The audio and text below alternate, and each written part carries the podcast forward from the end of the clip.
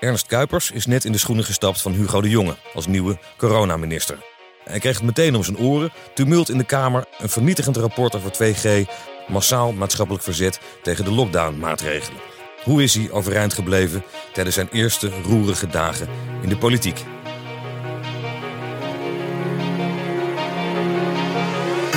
Dit is Code Rood, een podcast over de bestrijding van de coronacrisis in de achterkamers van de macht in een land waar niemand de baas is. Mijn naam is Thijs Broer, politiek redacteur van de talkshow Op 1 en politiek columnist voor Vrij Nederland. En mijn naam is Peter K., ook politiek redacteur van Op 1 en politiek commentator van de Nieuwsbv op Radio 1. Samen hebben wij het boek Code Rood geschreven, het verhaal achter het coronabeleid, dat nu in de winkels ligt. Daarvoor hebben we alle hoofdpersonen in de coronacrisis gesproken. Deze podcast gaat verder waar het boek eindigt. Hoe komt het coronabeleid tot stand? En welke patronen kunnen we daarin ontwaren in de achterkamers van de macht?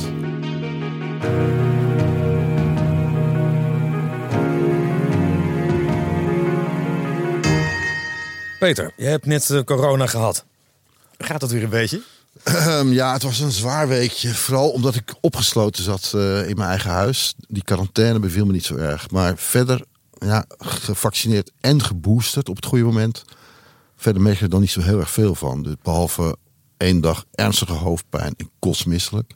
Maar verder was het eigenlijk een fluitje van de cent. En intussen mag je helemaal nergens naartoe.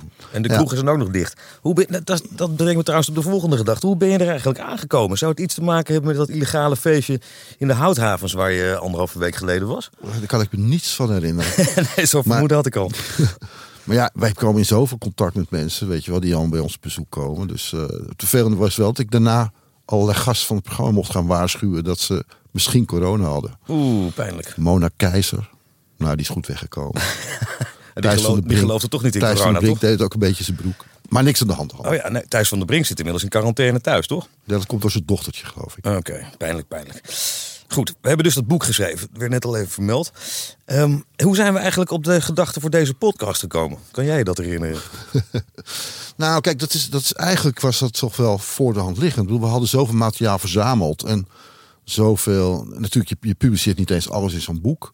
Maar het boek is een ontzettende goede basis om op verder te praten. En we zien daarna zoveel voorbij komen. Je wil niet nog een keer door gaan schrijven, nog meer nieuwe hoofdstukken toevoegen. Maar je ziet heel veel dingen voorbij komen die we eigenlijk in het boek beschreven hebben. Dezelfde patronen kwamen weer langs. En daarom vinden we, vond ik het fijn om, om erover door te praten en de actualiteit te volgen.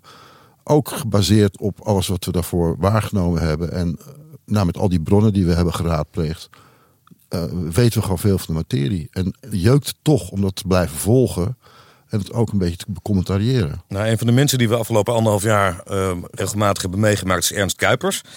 Over die man willen we vandaag praten, nieuwe minister dus. Ehm, gisteren heeft hij zijn eerste Kamerdebat beleefd. Jij hebt het eh, van moment tot moment gevolgd, hè, de hele middag en de hele avond. Hoe bleef die man overeind? Ja, ik vond dat hij. eh, ik, nou ja, hij heeft meteen wel echt een, een heftig debat meegemaakt. En ik, ik vond dat hij heel rustig was. En heel erg. Je ziet wel echt een andere persoon dan. Nou ja, de man die wij best wel goed kennen, inmiddels Hugo de Jonge. Dat die, die, die patserige man die wat eh, ijdel overkomt. En, en inmiddels ook eh, doodziek werd van alle kritiek die hij steeds om zijn oren kreeg. En hier zat een, een, een- rustige nieuwe figuur. Die bij eh, iedereen bedankte voor zijn bijdrage nog. Toen hij zelf aan het woord wa- kwam, zei hij. Als hij een vraag ging beantwoorden, dank voor uw vraag. En dan ging hij pas antwoord geven. Een hoffelijkheid die we echt in jaren gezien hadden. Dat was mooi. Maar voordat hij zelf aan de beurt was, eh, kreeg, hij, kreeg hij genadeloos commentaar van een van de bekende mensen uit de Kamer inmiddels. Dat rare mannetje van Forum van Democratie, die Gideon van Meijeren. Die ging me toch een potje tekeer. Misschien kunnen we het wel even laten horen. Helaas blijkt uit niets dat de nieuwe minister van Volksgezondheid een koerswijziging gaat inzetten. Want als er iemand is die sinds de aanvang van het coronaschandaal heeft laten zien naar de pijpen van Rutte te dansen, dan is het wel de heer Ernst Kuipers. Want wat wilde hij toch graag minister worden? Hij riep het vorig jaar al. En hij heeft het bereikt. Door te likken naar boven en te Nou. trappen naar beneden. Nou, nou, nou, dit, dit is ook weer smakeloos Dat was uh, Kamervoorzitter Vera Bergkamp die dat best deed om uh, in te breken, geloof die, ik. Die daarna een kwartier bezig was om de orde terug te, te, te roepen in de zaal. Jezus, wat pijnlijk. Maar op zich heeft Gideon van Meijer... Het is natuurlijk een man die hele rare dingen roept. Maar zit er niet ook wel wat in? Want Ernst Kuipers wilde ook dolgraag minister van Volksgezondheid worden. Sterker nog, hij is een speciaal lid voor D66 van geworden om, uh, om de kans te kunnen grijpen. Nou, hij zat inderdaad te wip op zijn stoel. En hij heeft natuurlijk voortdurend uh, wat je, wat je, nou, de, de professor Akkermans van de Nederlandse politiek. Hij bestaat echt nu, weet je wel. Coat en deden het 25 jaar geleden al. Nou, deze man heeft het, heeft het uh, gedaan. Maar normaal gesproken is je vingertje opsteken een soort doodzonde. Dan word je het juist niet. Mm -hmm. En hij deed het heel opzichtig wel. En zo waar, het is nog gebeurd ook. Uh, hij moest inderdaad, of hij nou van de Partij van de Arbeid of van D66 lid was, dat bleef heel lang onduidelijk. Waarschijnlijk van geen van beide dus. Werd kort van tevoren lid van D66. En uh, toen hij al gevraagd was om het kabinet in te gaan. Ja.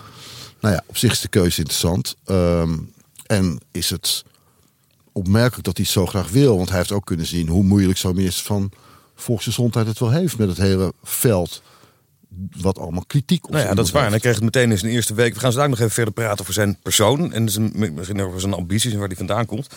Um, maar nog even over wat hij deze week al om zijn oren kreeg. Vorige week zelfs al bij zijn eerste persconferentie kreeg hij meteen een hele reeks dilemma's op zijn bord. Je hebt in eerste plaats natuurlijk het groeiende maatschappelijk verzet tegen de uh, coronamaatregelen. De strengste lockdown-maatregelen van Europa ongeveer, waar we nu in zitten. Terwijl overal al versoepeld wordt, houdt het kabinet nog steeds vast aan de strenge regels die we nu hebben. Kroegen nog steeds dicht, et cetera. Terwijl steeds meer mensen merken, je hebt het zelf ook gemerkt, dat uh, dat, dat uh, Omicron-virus eigenlijk helemaal niet zoveel Precies. voorstelt. Dat je misschien een paar dagen ziek bent, een beetje snifferig.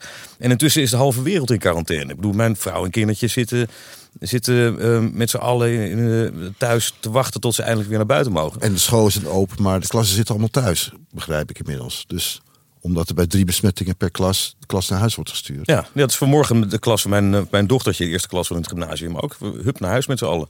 Vonden ze helemaal niet erg. Sterker nog, ze was al thuis, maar de rest van de klas nu ook. Ja. En zo, zo hard gaat het. En straks ligt het halve land lam vanwege quarantainemaatregelen... waarvan eigenlijk we langzamerhand wel weten dat ze helemaal niet meer nodig zijn. Ja, nou, dat, in andere dat probleem krijgt, ja. Precies, dus dat probleem krijgt Ernst Kuipers op zijn bord. Groeiend maatschappelijk verzet. Uh, intussen, het tweede ding wat er nog bij kwam... Nou ja, het was natuurlijk een heleboel groei, groeiende irritatie, groeiende protest ook in de cultuursector. Dat, dat speelde die week ook. Dat mag uh, Kuipers allemaal gaan oplossen in zijn eerste week. Ja, als je het even recapituleert, is het eigenlijk zo de eerste persconferentie. Daar ging vrij verrassend ging toen nog opeens de detailhandel open, weet je wel. Die zouden eigenlijk gewoon op, op, op uh, bestelling kunnen leveren of zo, maar opeens mochten die toch open. Toen zeiden de cultuursector en de horeca van ja, hoezo wij niet? Nou, de cultuursector deed dus protest afgelopen woensdag. De horeca is sowieso ontevreden. Die hebben een, zaterdag uh, op veel plekken de deuren opengezet. Uh, vandaag is het zo dat we te maken hebben met een record aantal besmettingen. 57.000 was het volgens mij. En um, ondertussen wil iedereen de deuren openen. En vindt ook vrijwel iedereen in het land dat horeca en cultuur de deuren moeten kunnen openen. Dat zag je nog aan die brief van gisteren van de burgemeesters. 30 burgemeesters die zeiden: zet de boel open. Laat horeca en cultuur open gaan. En nu ligt dus op tafel, die zitten, zitten nu ook bij elkaar, hè, die in het Veiligheidsberaad zijn ze aan het vergaderen. Zij vinden dus boel open en eigenlijk per direct. Uh, dus Kuipers, het mes staat eigenlijk op wordt eigenlijk op zijn keel gezet. Er moet wat gebeuren. Het ja, want de afgelopen drie, drie, dagen is het aantal ziekenhuisopnames vanwege corona per dag weer gestegen. Dat zou je een alarmerend signaal kunnen vinden. Maar tegelijkertijd is per saldo het aantal mensen dat opgenomen is in, uh, in ziekenhuizen al gestaag en heel lang aan het dalen. En de IC's lopen behoorlijk leeg. Precies. En die mensen zijn inmiddels op de vingers van één hand te tellen. Dus er is eigenlijk helemaal niet aan het gebeuren waar het kabinet bang voor was. Wat, wat, je nu, wat, wat we de afgelopen paar jaar hebben gezien, is dat het kabinet eigenlijk altijd te laat ingreep. Dus bij, elke, elke, bij de eerste golf, de tweede golf en de derde golf uh, kwamen ze pas na weken en weken in het, uh, in het geweer. En vervolgens werd het te snel versoepeld. Uh, in dit geval heeft het kabinet gedacht: dat laten we ons niet nog een keer overkomen. We grijpen keihard in, want we willen op het ergste voorbereid zijn. En nu overdrijven ze dus weer. Ja, dat is de reactie op uh, een mislukte boostercampagne, een te laat gestarte boostercampagne. Waardoor in december onze cijfers idioot hoog waren ten opzichte van het buitenland. Uh, daarop kwam Ernst, Jaap van Dissel met zijn modellen van het RIVM.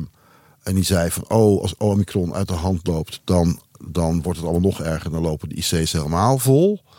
Alleen de modellen van het RIVM bleken weer eens een keer niet te kloppen. En uh, nu, nu zijn wij het enige land in lockdown.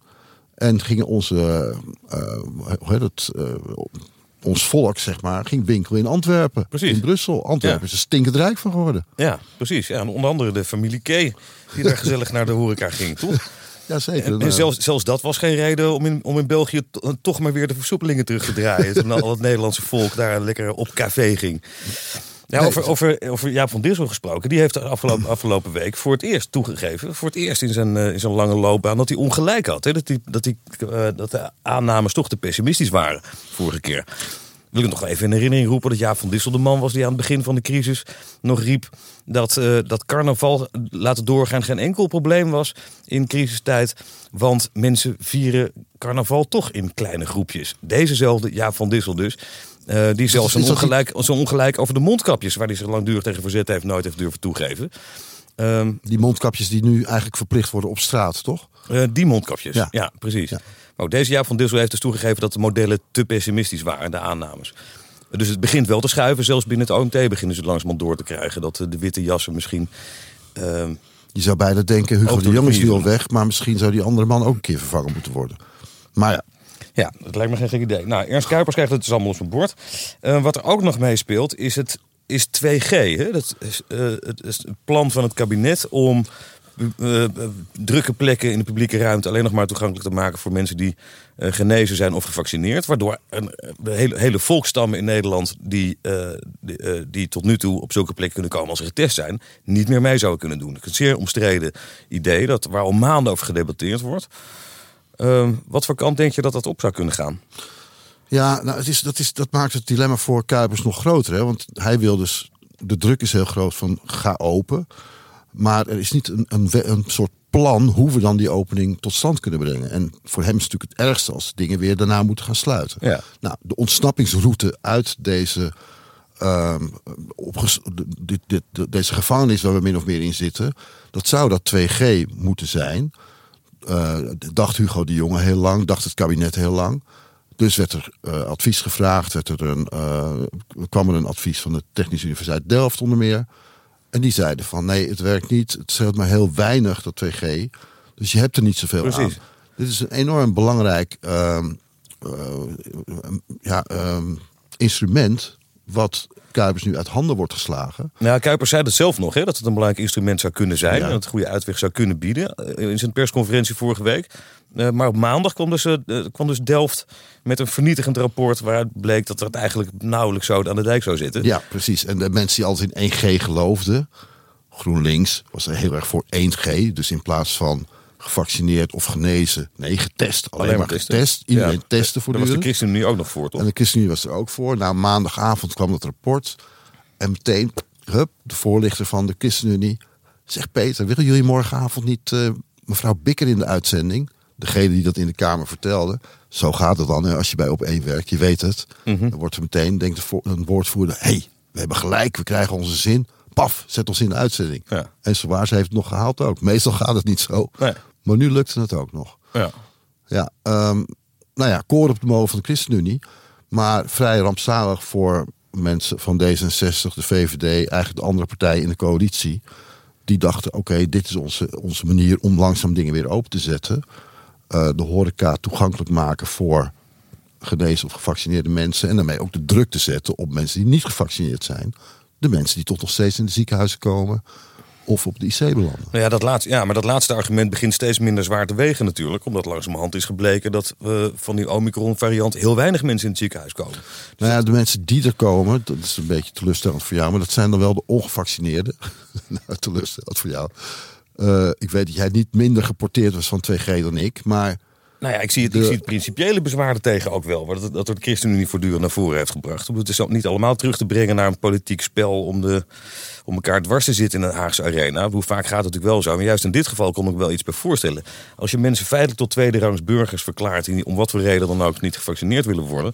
dan voer je eigenlijk een vaccinatieplicht in. En daarvan hebben we allemaal gezegd de afgelopen jaren... dat willen we niet. Dus het is een soort schijnheilige manier om via de achterdeur... toch vaccinatiedrang of dwang, zo je wil alsnog erdoor te duwen. En als vervolgens de halve wetenschap zegt, nou dit gaat eigenlijk helemaal niet werken, waarom zou je er dan in godsnaam nog aan beginnen?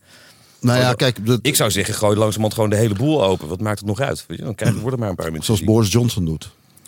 Ja, maar dan komen ze misschien ook nog wel aardig uit. Boris zelf misschien niet met zijn illegale feestjes.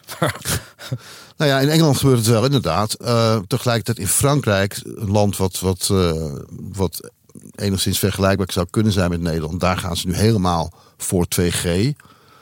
Eh, heel streng. En daar gaan ze zelfs eh ongevaccineerden enorm eh, achter de broek aan zitten. ja.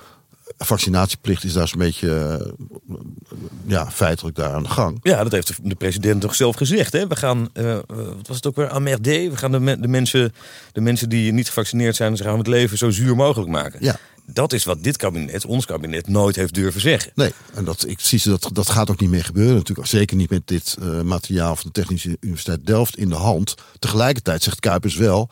10% verschil, wat het dan zou uit kunnen maken in de besmettingen. Dat is evenveel als de sluiting van eh, horeca en of een avondklok op, opleverde. Dus dan is het eigenlijk toch nog een belangrijk instrument, vindt hij. Ja. Ik zou me niet verbazen als ze er toch nog voor gaan. Nou, daar moet Ernst Kuipers dus eh, een plan op zien te verzinnen in de komende dagen eigenlijk. Hè? Want Dat zal heel snel moeten blijken. Ja. Nee, en dan mag je laten zien wat voor man die eigenlijk is.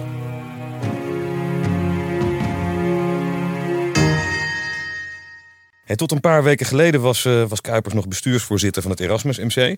En voorzitter van het landelijk netwerk acute zorg. Dat, eh, dat onder andere de verdeling over de IC's in Nederland is gaan regelen. Eh, we hebben hem regelmatig op tv gezien, ook bij ons in de studio in, in Op 1. Ehm, en nu die minister is, heeft hij misschien wel de lastigste taak van allemaal. Het coronabeleid. Ik heb me de afgelopen weken wel afgevraagd, eh, gevraagd en de afgelopen maanden überhaupt. Toen langzamerhand duidelijk begon te worden dat hij de ambitie had om minister te worden. Waarom hij dat in godsnaam zou willen doen. Want het is Hugo de Jonge, dat ze allemaal uitvoerig beschreven. Ook onder andere in ons, het afscheidsinterview dat wij met, met Hugo de Jonge hebben gedaan. In Vrij Nederland en in Op 1. Ehm, Hugo de Jonge is al, wordt al maanden zwaar bedreigd. Hij, hij kan zijn huis nauwelijks uit. Er staan betonnen bloembakken bij hem voor de deur. Hij rijdt rond in gepantserde auto's. Het is één grote hel voor hem en zijn gezin. Waarom zou iemand als Ernst Kuipers, die een prachtige baan heeft... Bij, als bestuursvoorzitter van een van de grootste eh, academische ziekenhuizen van Nederland... en nu al een aan, aan, aanzienlijke, aanzienlijke figuur is... in godsnaam zich in de politieke arena willen Ja, je snapt wagen? het te meer niet, omdat ook deze man eh, ernstig bedreigd is eh, geweest de afgelopen tijd. Ja. Ook als commentator van het beleid, en natuurlijk ook mede Hij zelf, nu al. verantwoordelijk. Ja. Maar hij kreeg al allerlei verschrikkelijke mails. Ja. Daar heb ik hem ook wel over zien praten. Dus net zo min als dat ik begreep dat Hugo de Jonge die positie eigenlijk wilde vasthouden. Maar goed, Hugo de Jonge kennende, dan voelt hij zich ziet hij dat als een taak, een verantwoordelijkheid. En had hij dat ook willen afmaken. Maar goed, dat vind ik al een beetje mal. Domineeszoon uit Ja, Zeeland. Ja, ga lekker wat leuks doen. Ga Ja. lekker bouwprojecten bezoeken of zo. Ehm, maar zo'n Kuipers die dat ook zo graag wil. Ja, wat is dat dan? Wat, dan is het of macht of ijdelheid die toch, toch eh, een rol moeten Ja. spelen. Ja, dat kan je Of, bijna niet anders of voorstellen. echt denken dat je de beste bent op die plek. Ja. Wat, ook nog zou kunnen, dat hij dat echt denkt. Ja, dat is heel goed mogelijk. Ja. En er zijn in ieder geval andere mensen die dat denken. Want er ging groot gejuich op toen hij zich had gemeld. Ehm, Nee, wij kennen hem een beetje wel van achter de schermen. We hebben een klein beetje kunnen zien wat voor man het is. Jij hebt hem ook wel eens kunnen ontvangen in de uitzending. Wat dacht Ja. jij van hem dan? nou, ik vond het een hele vriendelijke, benaderbare man. Want jij ziet er, ehm, als je hem nog nooit hebt horen praten, dan denk je, Jezus, hij ziet eruit als een, eh, als een eh, huurmoordenaar van de Ameri- Amerikaanse maffia. Echt een James Bond film. De slechterik met in een James Bond film. Ja, Zoek je Kuipers kale uit, toch? Maar zodra hij begint te praten, dan, dan is het een en al vriendelijkheid. En een hele aandachtige, vriendelijke man. Die echt, en dat is wel zeldzaam in de politiek, antwoord geeft op vragen. Dat vond ik nog het grootste wonder. Ehm, nou, ik, heb, ik heb er vanmorgen nog eventjes over gebeld met Wouter Bos, die hem goed kent, oud-minister van Financiën. Die, eh, die kennen de luisteraars ook nog wel. Ehm, die niet lang daarna, die heeft een tijdje bij KPMG gewerkt en is toen bestuursvoorzitter geworden van het VU, eh, het, het Academisch Ziekenhuis van de VU. Ehm, en in die hoedanigheid heeft hij vier, vijf jaar lang natuurlijk intensief met Ernst Kuipers moeten samenwerken. Die eigenlijk zijn, nou ja, je zou kunnen zeggen, zijn, eh, zijn concurrent was in, in Rotterdam. Ehm, ik heb een Bos even gevraagd hoe, hoe hij hem had leren kennen, wat voor man het was. En hij zei, Ernst Kuipers is iemand met een enorm gezag in de medische wereld. Niet alleen als, uh, als bestuursvoorzitter van, het, van een van die grote ziekenhuizen, maar ook als, uh, als arts, waar hij ook zijn strepen heeft verdiend. Um, dus je reputatie in de medische wereld wordt niet alleen bepaald door, door de functie die je uitoefent, maar ook het, het, gezag dat je ontleent aan je professionaliteit. Waar je in de, in de achtergrond als arts, die hij dus met zich meedraagt. Uh, en hij kent de medische wereld ook als een broekzak, wat een enorm voordeel is. Uh, als, je, als je als minister van Volksgezondheid moet zien te opereren. Weten wij, want het is een enorm werkveld met allemaal belangengroepen en organisaties. En waar we nog nooit van gehoord hadden, maar die allemaal iets vonden, toch? Ja, precies. Ja, dat is ook zo. Um, en wat Bos zei, dus hij heeft, hij heeft ook vanzelfsprekend overwicht omdat hij zoveel gezag met zich meedraagt. Serieus wordt genomen in die medische wereld. Dus als iemand daar dingen voor elkaar kan krijgen, dan is hij het wel. Um, hij heeft. Uh, tegelijkertijd heeft hij ook, krijgt hij ook een paar hele lastige uitdagingen voor zijn kiezen natuurlijk. Hij is iemand die, hij moet bijvoorbeeld in de komende jaren gaan bezuinigen. Daarvan zei Bos, dat zou nog best een lastige kluif voor hem kunnen worden. Want een beroeps, bezuinigen op een beroepsgroep waar je zelf tot voor kort deel van hebt uitgemaakt, waar je iedereen kent, dat is natuurlijk een stuk lastiger dan wanneer je van buiten komt. Zeker. Het is niet voor niks zo dat crisismanagers meestal van buiten worden gehaald. Dus in dit geval zou, zou dat tegen hem uh, kunnen werken. Uh, aan de andere kant kent hij de medische wereld dus zo als een broekzak dat je er wel vertrouwen in kan hebben dat hij een eind kan komen daarin.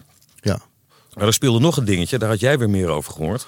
Ja, ik heb een beetje, ik heb zo geheime bronnen bij het uh, Leids uh, Medisch Centrum. Uh, en die hebben meegemaakt dat, dat Kuipers, die was de baas van, van Rotterdam en wilde eigenlijk dolgraag fuseren met Leiden. Vanuit het oogpunt daar. Vooral omdat, die, omdat er was een fusie geweest in Amsterdam. Dus bij de ziekenhuizen VU en het AMC. En opeens werd daardoor de Amsterdamse kant, tak, werd het grootste medisch centrum, het grootste universitair medisch centrum. Uh, en dat vond Kuipers niet zo leuk. Die wilde eigenlijk de grootste zijn. Is de lezing van de Leidse bronnen. En hij wilde meteen een fusie tot stand brengen tussen Leiden en, en uh, Rotterdam. Waardoor zij weer het grootste academische ziekenhuis zouden zijn. En vanuit Leiden werd er dan wel gekeken naar wat is dit voor een machtswellusteling een man die graag uh, per se de grootste wil zijn. En daardoor daarvoor zijn moeite doet. En er zijn ook wel andere processen. Kijk, of dat waar is, weet ik niet. Maar zo werd het vandaar beschouwd. En ik kan me er wel iets bij voorstellen. Het is een man die graag op de voorgrond staat. Het is ook een man die graag, die met enthousiasme de, de baas van Nederland is geworden. En uh, toch ook wel uh, genoot van de macht die hij op dat moment had. Ja, dat is waar. Ik heb toch nog elke Wouter... dag een persconferentie gaf, hè? Ja, zeker. Ja, dat, ja, dat deed hij met toenemend plezier. Dat ja. zagen we wel. In eerste instantie moest Hugo de Jonge een beetje nog toe pressen om voor de camera te gaan staan. Maar hij kreeg al verdacht snel de smaak te pakken. Ik heb het overigens ook nog even van Wouter Bos gevraagd vanmorgen. Hè, over uh, de ambitie van Ernst Kuipers om het grootste medisch centrum van Nederland te blijven leiden. Door die fusie met Leiden, waar hij zo enorm bezig is geweest. En dat kon Bos, Bos bevestigen nog ontkennen. Want hij zei, ik kan niet in zijn hoofd kijken. Ik weet wel dat hij mee bezig is geweest. En dat hij een enorm ambitieuze man is. Nou, dat hebben we nu in ieder geval wel gezien. Ja, nou, en wat ik verder nog interessant vind, dat is dat er vlak voordat hij dus minister werd, werd besloten dat de, de kinderhartchirurgie, die verdeeld was op vier plekken in het land, dat werd opeens werd dat gecentreerd in Utrecht en in Rotterdam. In Groningen zijn ze daar laaiend over. En ook met het argument, je moet heel snel erbij kunnen zijn als er, als er nood aan de man is. Uh, tegelijkertijd is Kuipers wel echt een voorman in, het, in, het, in de wens om ziekenhuizen te centreren. En dus bepaalde kennis heel centraal te doen. Waardoor je dus verbeterde uh, kwaliteit kunt leveren. Ja, het is ook niet onlogisch in zo'n klein landje, toch? Er zijn nee. acht academische ziekenhuizen. Die hoeven niet allemaal precies hetzelfde te doen, zou je zeggen. Maar goed, op het laatste moment gaf de jongen dus dat aan Utrecht en naar Rotterdam. En ik weet wel dat er één persoon heel blij was dat het naar het Erasmus MC ging. En die moet nu dat, die knoop definitief doorhakken. Terwijl in Groningen en op andere plekken zijn ze woedend dat dat zo gegaan is. Dus ja, ja dat, dat is misschien nog een smetje wat hij met zich meetrekt. Dat dat even net iets te handig geregeld is met zijn Rotterdamse vriend Hugo de Jonge. Ja, het klinkt wel als een heel soepel 1 2 van dus, deze beide. Ja, daar zou nog wel eens iets van terug kunnen komen. En, en, verder heb ik hem nog persoonlijk nog wel eens een beetje betrapt op enige ijdelheid. Ook achter de schermen bij op één. Toen was er, dus had een beetje grapjes het maken. En hij stond op het punt van vertrekken. En ja, we hadden net dat boek over Diederik Gommers was verschenen. Zijn tegenvoeter in dat ziekenhuis. Grote vrienden soms, maar soms ook niet. En ja, ik begreep eigenlijk niet dat er geen boek was over Ernst Kuipers. Dus ik zei nog, Ernst, uh, Jij verdient natuurlijk wel een boek. Wat denk je ervan? Moeten we niet eens een boek gaan maken over jou? En ik heb nog nooit iemand zo zien glimmen werkelijk. we hebben het niet concreet gemaakt en ik denk dat het er nu ook niet van gaat komen. Maar ja, anders hadden we natuurlijk nu bij hem op de stoep gezeten Ja, voor die diepte interviews over de politiek. Ja, dat was een schitterend boekje geworden. Ja. Een grotere bestseller, maar, Maar dat boekje over Diederik Gommers. Ja, hij koos voor het ministerschap. Heel dom natuurlijk. Heel dom natuurlijk, heel dom. Voor we verder gaan, ben je aan het luisteren en komt er een prangende vraag in je op? Is er een onderwerp dat we absoluut moeten bespreken? Of heb je een spannend document gevonden in de trein dat je absoluut met ons moet delen? Vriendvandeshow.nl slash code rood. Daar kan je berichten voor ons achterlaten. Je kan ook vriend van onze show worden. Dan ontvang je al dan niet tegen betaling. en dan ontvang je altijd als eerste een update als er een nieuwe aflevering klaar staat. Ernst Kuipers kent de medische wereld dus als een broekzak. Maar in de politiek is hij natuurlijk minder thuis. Dat is de afgelopen weken al vaker gezegd door allerlei commentatoren. Ehm, en hij krijgt ook nog eens te maken met hele lastige politieke verhoudingen. Ja, dat is echt interessant. Want hij treedt toe tot, tot een kabinet dat weliswaar een meerderheid heeft in de, in de Tweede Kamer, maar, maar niet in de Eerste Kamer. En dat zie je meteen al bij dat, dat, dat 2G-beleid bijvoorbeeld. Ehm, dat, is, dat vindt men heel ingewikkeld in het parlement. Maar hoe krijg je daar een meerderheid voor? Eh, als al een coalitiegenoot niet meedoet, nou, dan kun je misschien de Partij van de Arbeid overhalen. eh, Maar die doen ook altijd heel terughoudend. GroenLinks wil het al niet. Waar vindt hij de meerderheid daarvoor? En ehm, dat moet dan ook nog eens een meerderheid zijn die ook in de Eerste Kamer geldt. Dus daar begint het zoeken al. En dat, dat geldt natuurlijk voor meer maatregelen op dit gebied. Dat hij voortdurend moet zoeken naar eh, voldoende steun, voldoende draagvlak in de twee kamers.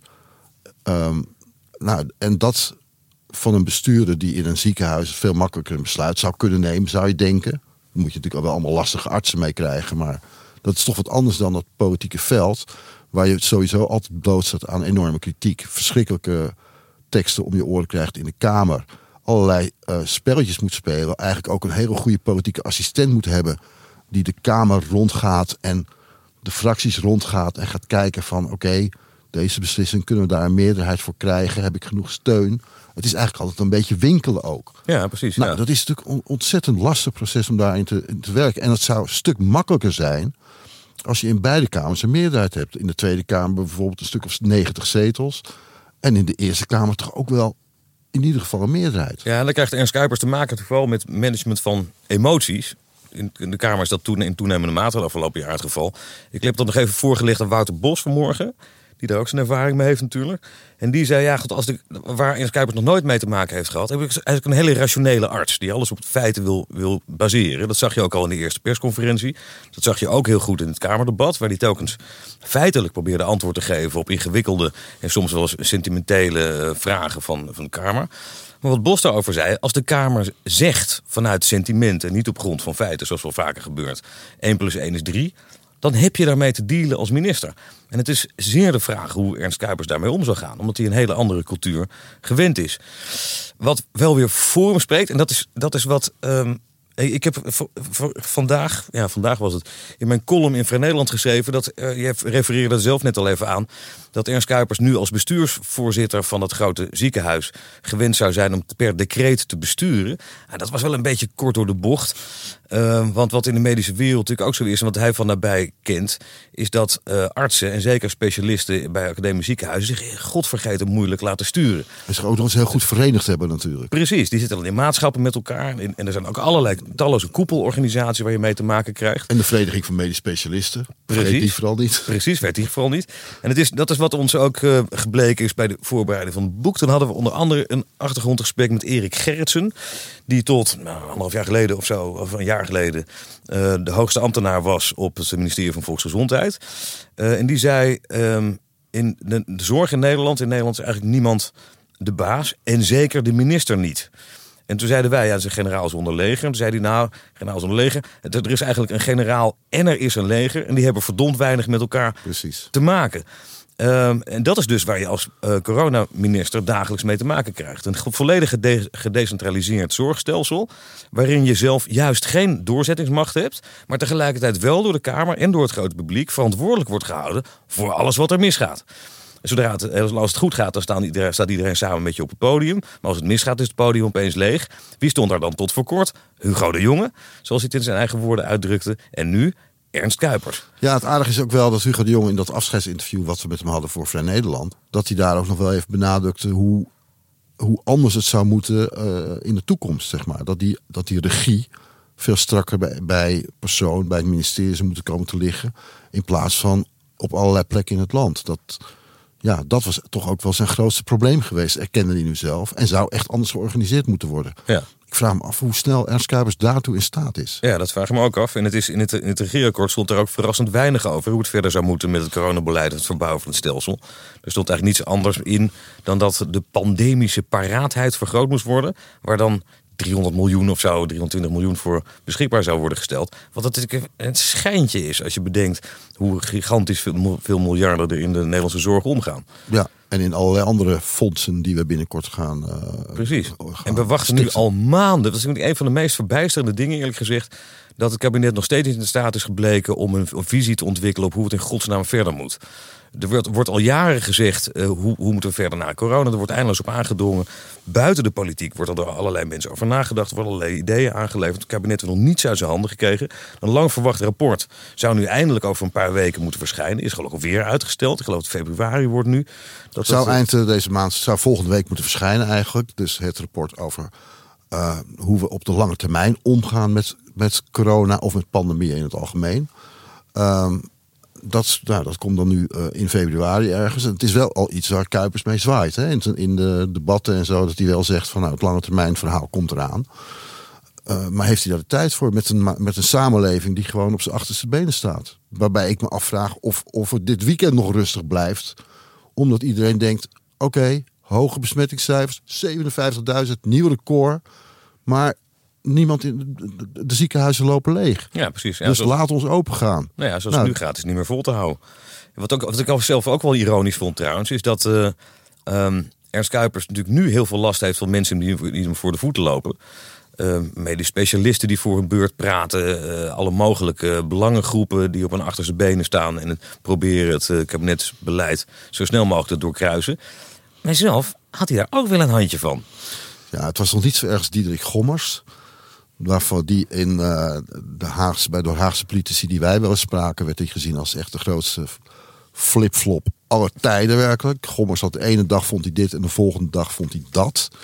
Um, maar Kuipers kon er ook wel iets van en die heeft zeker toen uh, ten tijde van het vaccineren heeft hij Hugo de Jonge lelijk voor de voeten gelopen toen uh, eindelijk de gezondheidsraad een vaccinatiestrategie had bedacht en dat moest dan beginnen bij de kwetsbare ouderen in de verpleeghuizen.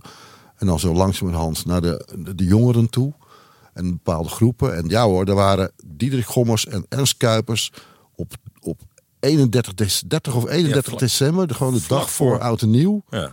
Zaten ze met z'n tweeën in Nieuwsuur om te vertellen dat het ziekenhuispersoneel het allereerst moest gevaccineerd moest worden. Zonder dat ze dat van tevoren tegen Hugo de Jonge hadden gezegd. Ja. Dat ze dat zouden gaan vertellen. En wat gooide Hugo ook weer naar de, naar de tv-scherm? Dat zou wel een schoen geweest zijn. in grote razernij. Ja. En vervolgens heeft hij opgebeld. Ernst, wat maak je me nou? Waarna Ernst uitvoerig ging uitleggen, begrepen wij op achtergrondbasis dat ieder toch een eigenstandige verantwoordelijkheid heeft en dat hij misschien toch een beetje voor zijn beurt had gepraat. En toen heeft hij moeten beloven dat hij dat nooit meer zou doen. En nu is de grote vraag: wat gaat hij ervan brouwen, Ernst Kuipers? Ondanks de hoge verwachtingen die ongetwijfeld veel mensen in de medische wereld van hem hebben en mensen daarbuiten ook. Nou, ik hoop dat hij dat patroon kan doorbreken van het altijd te laat ingrijpen, wat wij in Nederland hebben uh, gezien. Dus we hebben voortdurend liepen we achter de feiten aan eigenlijk. Die, die, dat, waar we het net over hadden, die avondklok die kwam er omdat er enorm hoge cijfers waren. En het als een soort noodmiddel werd gezien wat nodig was. Toen zijn we heel lang zijn we dichtgebleven. Uh, toen kwam opeens die omschakeling in juni dat we, dat we dachten van nou, we zullen nu langzamerhand zal er wel wat open gaan. En toen was er opeens besloten dat we in één keer alles open deden. En dat de disco's ook open konden, omdat we nu het Janssen-vaccin hadden, waarbij één prikje voldoende was om meteen de volgende dag de disco in te gaan. De clubs bedoel je toch? Disco is een heel ouderwets woord. Ja, ja maar goed, ik ben een oude man. maar dat uh, de clubs open konden. Nou, twee weken later waren ze dicht en zijn ook niet meer open gegaan sindsdien. Nou, daarna hebben we dat, dat boosteren gehad, wat in allerlei landen begonnen werd. En waar Nederland maar niet aan begon. En waardoor hier opeens ook weer een enorme piek kwam met die Delta-variant. Um, dat leidde tot opeens verhaast ingrijpen. En opeens zijn we koploper lockdown. Niet meer van de intelligente lockdown, maar van de stupide lockdown deze keer. Precies. Ehm, ja, en wanneer, wanneer komen we daar nou eindelijk vanaf? Doen? Dat, dat is toch misschien wel de allerbelangrijkste vraag die we allemaal beantwoord willen zien. Het is, het is langzamerhand stapelen de bewijzen zich op dat het eigenlijk langzamerhand nergens meer op slaat. En in ieder geval niet vol te houden is. De half Nederland in quarantaine. Wanneer, Peter K., denk je dat de kroegen weer open gaan? Ik, nou, ik, ik, je zou denken, de maatschappij trekt het niet meer, die weer dit weekend nog los. Ik denk dat ze het nog één weekend volhouden dat we maandag een, uh, een OMT hebben dat zegt van nou oké, eh, laten we maar voorzichtig wat open doen. Dinsdag komt er dan een persconferentie. Dan gaan ze zeggen, er mag van alles open. Uh, cultuur denk ik sowieso wel, weet je. Dus dat is niet meer houden. De theaters gaan open en dan met beperkte toegang, anderhalve meter afstand, misschien nog in het begin. Ehm, en waar ik heel bang voor ben, is dat ze de horeca open gaan doen tot vijf uur dat is weer zo'n soort halfslachtige maatregel waar eigenlijk niemand wat aan heeft. En ook de mensen die je kent die zelf een zaak hebben. Er zijn mensen bij die zeggen ik ga niet open tot vijf uur. Dat is, dat is natuurlijk echt niet te doen. Dus ik hoop dat ze wat meer ruimte geven daarvoor. En eigenlijk, ja, als je naar een aantal andere landen kijkt, uh, alsjeblieft, ga, zet de boel open en uh, laten we het op een andere manier aanpakken. Veel testen, inderdaad. Uh, uh, iets van de maatregel handhaven, als wat afstand houden, dat soort dingen. Maar ophouden met dingen gesloten houden. De, de boel moet open, dat is wel duidelijk. En dat is niet komende week, maar de week erop denk je dat dat echt gaat gebeuren? Ik, ik denk dat het niet meer te houden is. En dat, dat heel veel mensen willen dat ook natuurlijk. Ook wel mensen in Den Haag. Um, ja, dus ik ben positief gestemd. Ik denk dat het gaat gebeuren. Wat denk jij? Ik denk ook dat ze, de, dat ze deze week niet anders kunnen besluiten dan tot, in ieder geval tot vijf uur de kroegen open te gaan doen. En dat het dan later, ehm, een paar weken later, ehm, voluit open mag. Wij smachten naar die dag. Peter ja. Ja, maar over dat vijf uur wordt het niet eens. Dat gaat meteen tot tien uur. Geen flauwekul. Ja, Thijs, nog even afsluitend. Kijk, die Ernst Kuipers, die, die kan nu niet anders dan besluiten dat, dat een aantal dingen worden opengezet. Hè? Bedoel, we hebben nu de detailhandel gehad vorige week. Maar nu zal de horeca en de culturele uh, instellingen, de theaters, de, de bioscopen zullen toch ook open gaan. Ik bedoel, dat is onvermijdelijk. En ik, ik denk dat hij daar zelf ook heel erg voor voelt. Dat zag je hem ook wel uitstralen in dat debat. En hij wil wel. Maar het interessante is dat, dat met die hoge besmettingscijfers en wat steeds bijgezegd werd, als die cijfers zo hoog zijn, komen er ook weer heel veel mensen in het ziekenhuis terecht. Mhm. Ik ben zo benieuwd hoe zijn eigen achterban, de mensen van het, uit de ziekenhuizen zeg maar, hoe die dat gaan ervaren en hoe die dat aan hen gaat uitleggen. Uh, dat het verantwoord is. Ik hoop dat hij ook hen mee kan nemen. Maar dat, is, dat is, wordt nog interessant. Want dan, als hij voortvarende stappen zet, dan komt daar natuurlijk de kritiek vandaan. Zou hij daar tegen opgewassen zijn, vraag ik me dan af. Ja. Nou, ik denk als er iemand in staat is om ook die mensen in de ziekenhuizen van te overtuigen dat langzamerhand de boel versoepeld zou moeten worden, dan is het denk ik wel Ernst Kuipers. Weet je wat ik net al zei, is dat die man van groot gezag is in de medische wereld. Hij staat helemaal bovenaan. Hij zit eigenlijk boven op de apenrots als uh, directeur van uh, zat al, in ieder geval als, bovenaan de apenrots als bestuursvoorzitter van een van de grootste academische ziekenhuizen. Traditioneel is dat, wordt daar nog het meest tegen opgekeken. Hij heeft groot gezag als arts. Kent de ziekenhuiswereld van, van, van binnenuit. Uh, dus hij moet heel goed kunnen uitleggen um, dat lang, langzamerhand versoepelingen onontkoombaar zijn. Ja, voor de samenleving en in de ziekenhuizen. Als het dan misgaat, dan... Uh, dan krijgt hij de volle laag. Dat is het risico dat hij bereid moet zijn te nemen. En ja, ik denk, hij kent Judas persoonlijk. Judas Diederik Gommers bedoel je? Ja, ja Judas vind ik wel een heel zwaar woord. Zwaar woord. Diederik Gommers is een, is een man die gewoon meedenkt met het moment. En daardoor af en toe een beetje flipflopt. Maar ook gewoon eerlijk antwoord geeft op vragen. En die gewoon verandert van mening. Ik bedoel, dat vind ik eigenlijk ook wel een zegen. In ieder geval voor de media. Want daar is hij altijd hartelijk welkom. En zeker bij ons. Ja. Nee, wij hebben ook nog het voeren gesproken voor het boek. Ja. En toen vond ik hem eigenlijk ook heel leuk. Oh, de Gommie heette die bij ons. Gommie, Gommie heette die bij ons. Toen zei hij zelfs op een gegeven moment... Um, toen zei hij ook dat hij zich in het begin, toen hij net als OMT-lid een beetje in de openbaarheid kwam, dat hij zich erover verbaasde dat het kabinet zo braaf de, de ideeën van, uh, van het OMT volgde. Dat het kabinet zich eigenlijk verschool achter, uh, achter wat die artsen daar samen al bedachten. Want hij had, zijn ervaring was ook dat ze het eigenlijk vaak helemaal niet eens waren dat er dan maar weer wat werd gezegd. En verdomd, daar stonden Hugo de Jonge en Mark Rutte precies uit te leggen wat het OMT had gezegd. Dat vond hij eigenlijk ook wel een beetje beangstigende gedachte.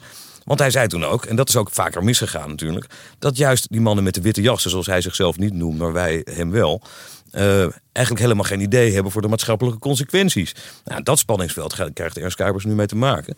Wat Wouter Bos daar overigens ook over zei. Um, juist omdat um, uh, Ernst Kuipers zo'n uh, gezag heeft in de medische wereld, is er een beste kans dat hij bijvoorbeeld veel strakker en sterker kan en durft om te gaan Um, met uh, bijvoorbeeld de Gezondheidsraad. Hugo de Jonge, het belangrijke college dat adviseert over vaccineren en, en, en versoepeling, ja. et cetera. Die heeft, uh, die heeft daar altijd eerbiedig naar geluisterd en braaf gedaan. Wat de in grote lijnen wat de Gezondheidsraad uh, hem, hem voorzei. Er is de beste kans dat, er, dat Ernst Kuipers vanuit zijn persoonlijk gezag daar um, uh, kritischer en eigen gerijder mee om zou gaan. Dat zullen we de komende weken moeten gaan zien. Ja, de dans van Ernst Kuipers met de Gezondheidsraad en ook met zijn oude boezemvriend Diederik Gommers gaan wij de komende tijd nog nauwlettend in de gaten houden. Ja, net als alles wat er verder nog gaat gebeuren uh, met het coronabeleid. En in ieder geval de versoepelingen waar we allemaal zo naar smachten. Dit was Code Rood, een podcast van Dag en Nacht Media. Het gelijknamige boek door ondergetekende en Peter K. ligt nu in de winkels en is uitgegeven door Pluim. Podcastredactie door Esther Krabbedam en Tom Aalmoes. Edit door Tom Aalmoes. Muziek door Lucas de Gier. Je kunt reageren op deze aflevering of vragen stellen op vriendvandeshow.nl slash code rood.